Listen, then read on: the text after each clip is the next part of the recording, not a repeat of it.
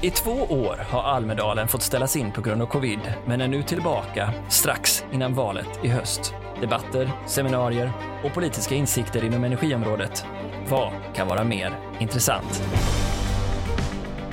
Jag heter Gustav Melin och jag jobbar med biobränslen på Svenska Biobränsleföreningen. Det händer väldigt mycket kring reduktionsplikten nu i Sverige och eh, nu kan vi konstatera, eller snarare så här, jag ställer frågan till dig. Hur stor del har biofrågorna som du ser det i Almedalens schema, som du har förstått? Ja, men en gans, inte så stor del som jag tycker det kanske förtjänar eftersom det är ett energislag som ändå står för 40 procent av energiförsörjningen. Det är mycket elfokus och även i elfokuset så har ju biobränslena en alldeles för liten roll. Vi håller på med en undersökning nu och där ser vi ju att väldigt många kraftvärmeverk i Sverige kan producera mer el men de gör inte det av olika skäl.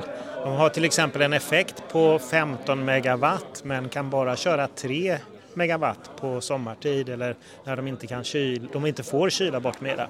Så där har vi en stor fråga som jag inte tror kommer diskuteras mycket om inte vi tar upp den.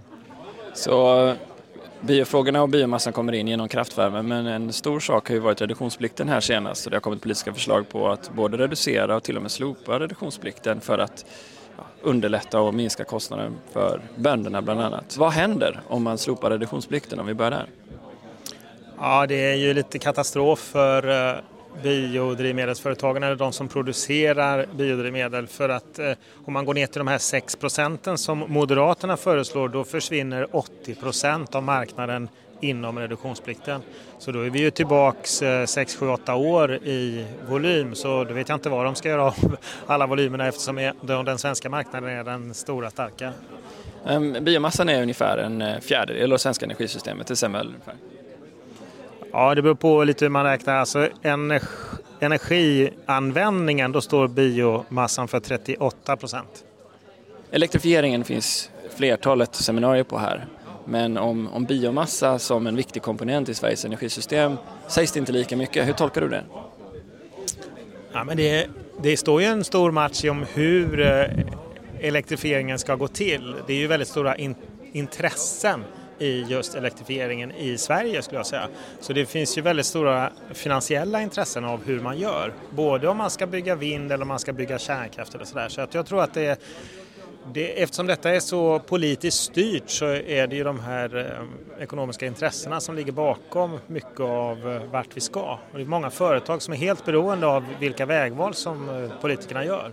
Så jag tror att det är egentligen det som styr väldigt mycket av seminarierna också.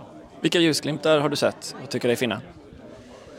Ja, men det, jag var just på ett seminarium om biokolanläggningar eller eh, bio-CCS, att man samlar in koldioxid och från kraftvärmeverk och det är väldigt positiva tongångar så vi tror ju att det kommer att komma fram ett politiska förslag om hur, hur det ska gå till. En omvänd aktion där man, där man får buda på vad man, vad man kan samla in koldioxid för. Ju lägre pris du levererar ju mer volym får du bygga för så att säga. Och där tycker jag det finns en politisk enighet kring det, så det är ju positivt. Eh, sen något som inte diskuteras så mycket ännu, men som kanske kommer de två kommande dagarna, är ju problematiken kring EU och deras eh, nya förslag och negativa regleringar kring biomassanvändningen. Det finns ju ingen bransch som motarbetas så inom EU tror jag som eh, våran. Och det handlar ju då till exempel om att vi inte ska få elda grenar och toppar eller det som vi traditionellt har lagt på valborgsmässoelden.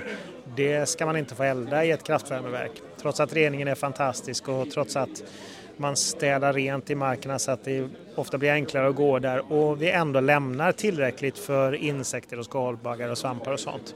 Det kan alltid diskuteras precis vilken nivå som man ska lämna men, men faktiskt av de, de ungefär 150 terawattimmar eh, biomassa som lämnas kvar eller som blir över när man skördar skog i Sverige så tar vi ut 10 just nu.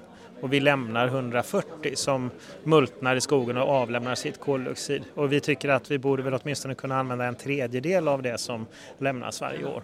Vad tycker du att du fått för politiska reaktioner på förslaget till eh, förnyelsebart-direktivet?